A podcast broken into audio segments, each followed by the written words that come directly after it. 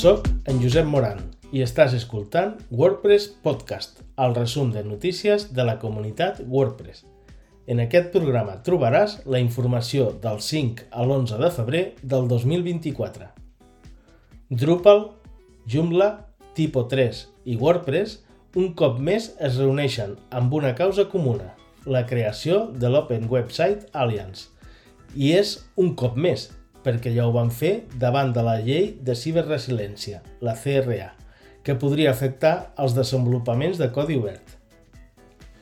El propòsit de l'Open Website Alliance se centra a facilitar la col·laboració entre projectes de codi obert de gestió de contingut per promoure l'educació i la defensa dels beneficis i principis del codi obert. Els membres busquen promoure els drets dels projectes de codi obert i aspiren a crear una web millor, fomentant l'elecció de programari de codi obert sobre sistemes propietaris i compartint millors pràctiques per millorar la percepció pública, la fiabilitat, la qualitat i la seguretat del programari i les comunitats de codi obert. A més, l'aliança va acompanyada de l'Open Web Manifesto, que declara el compromís de l'aliança amb la web oberta vista com un bé públic digital basat en la llibertat, la descentralització, la inclusió, la participació i l'empoderament. També subratlla que la web oberta ha de ser no propietària, protegir les dades personals, permetre la competència justa, ser resilient i guanyar-se la confiança de les persones mitjançant la innovació, la tecnologia i la integritat. Destaca la importància de la comunitat i la diversitat per trobar solucions i oportunitats d'innovació, assegurant la independència i la inclusió. I parlant d'organitzacions, la WordPress Foundation ha presentat un resum del 2023 es van introduir nous programes que donen suport a hackathons i la formació de codi obert a escala mundial. Les meetups s'han establert en 748 grups que han ofert 3.869 esdeveniments. Pel que fa a les WordCamp, s'han realitzat 76, amb gairebé 25.000 assistents. Per cert, aquells que utilitzen un Mac i creen fitxers zip de les seves extensions o temes, en pujar-los a WordPress no funcionaran. Fins que surti WordPress 6.5 o 6.4.4 és necessari utilitzar una eina per generar aquest zip perquè el sistema natiu del sistema operatiu no és compatible i mostrarà un missatge d'arxiu incompatible. S'apropa WordPress 6.5, començant per la primera versió beta el 13 de febrer, i l'equip de Core ja ens està mostrant alguns detalls que s'incluiran en l'editor. En la vista de llista tindrem accessos ràpids dels blocs a les seves configuracions. Quan estiguem a l'editor de continguts, podrem activar una opció de previsualització dins de la plantilla en què s'utilitza si volem. D'aquesta manera, no només veurem el contingut, sinó com queda directament a tota la pàgina pública. Tots els patrons en ser duplicats permetran activar o desactivar l'opció de ser sincronitzats, inclosos els que venen amb els temes que estaven bloquejats. Un altre dels canvis ja anunciats va a la part de revisions. Per ara, quan es facin canvis en els estils globals, veurem un resum de tots els elements als quals afectarà. El panell de preferències separarà els elements d'accessibilitat en una pestanya diferent. Un altre dels canvis en què s'està treballant és la nova biblioteca de mitjans, que tindrà una aparença més similar a les de l'editor. En aquesta versió se separaran els diferents tipus de continguts, permetent així crear un sistema d'edició específic per a imatges o vídeos a més de permetre l'extensibilitat amb extensions o la possibilitat d'organitzar els continguts per carpetes. Tot i que aquests no són els únics canvis que possiblement vindran.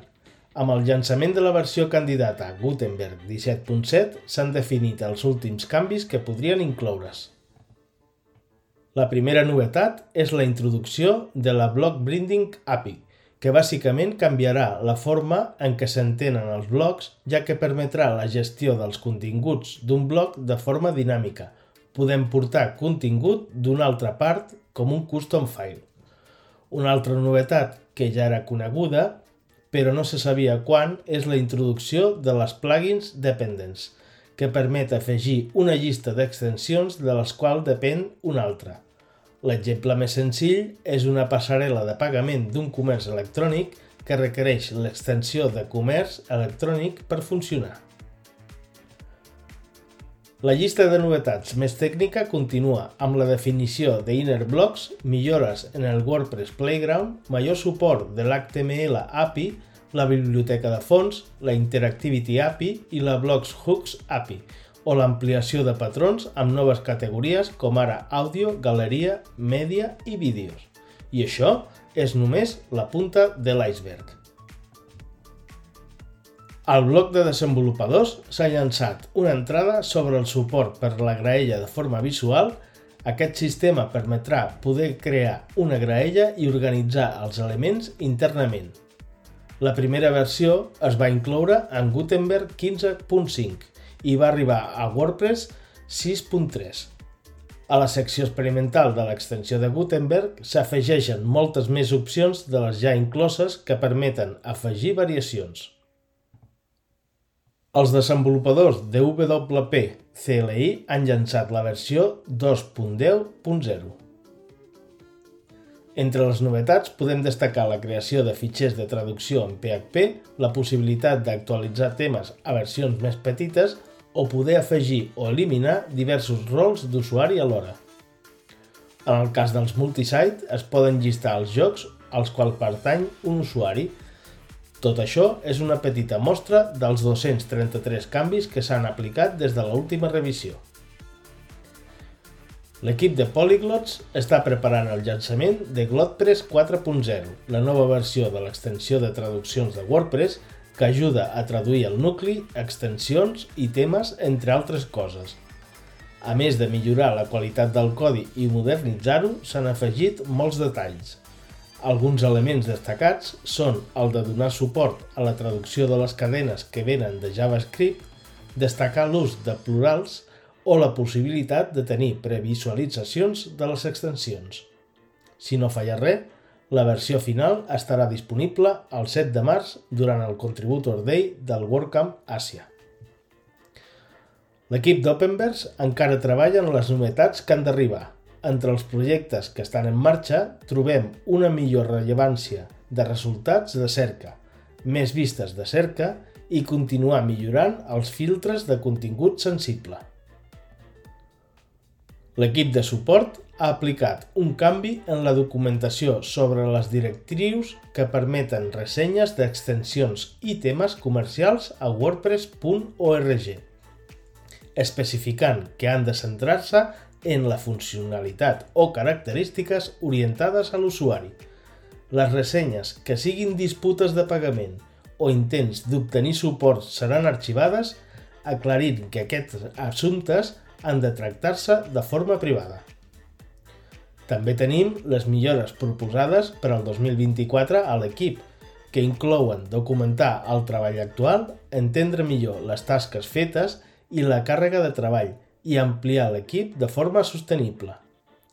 Se suggereix millorar el procés d'onboarding, introduir oportunitats de mentoratge i fomentar una comunitat entre els contribuents del fòrum. Aquestes iniciatives busquen reduir l'esgotament de l'equip i assegurar la sostenibilitat a llarg termini. L'enquesta del 2023 de la comunitat sobre les Meetup ha relevat desafiaments comuns com ara la falta de llocs gratuïts i d'informació sobre la comunitat. Per al 2024 es recomanen accions com col·laborar amb els equips de màrqueting i formació per augmentar la visibilitat i millorar la capacitació dels responsables locals de les Meetup. També es planteja millorar la documentació de l'equip de comunitat i crear programes de mentoratge per a oradors i organitzadors d'esdeveniments. L'equip de fotos ja ha superat les 13.000 i ara es planteja millorar la gestió dels textos alternatius de les imatges. El focus està en la importància de proporcionar unes descripcions de text alternatiu precises i accessibles per a les imatges del directori, especialment a aquells que utilitzen lectors de pantalla. És per això que s'aconsella evitar descripcions que expressin sentiments o que siguin narratives i en el seu lloc oferir detalls concrets i visibles a la imatge considerant l'objecte, l'acció i l'entorn. I, per acabar, aquest podcast es distribueix amb llicència Creative Commons, com una versió derivada de WordPress Podcast en espanyol. Tens tots els enllaços per ampliar la informació a wordpresspodcast.cat o seguir el contingut també en espanyol, anglès i francès. Una abraçada i fins al pròxim programa.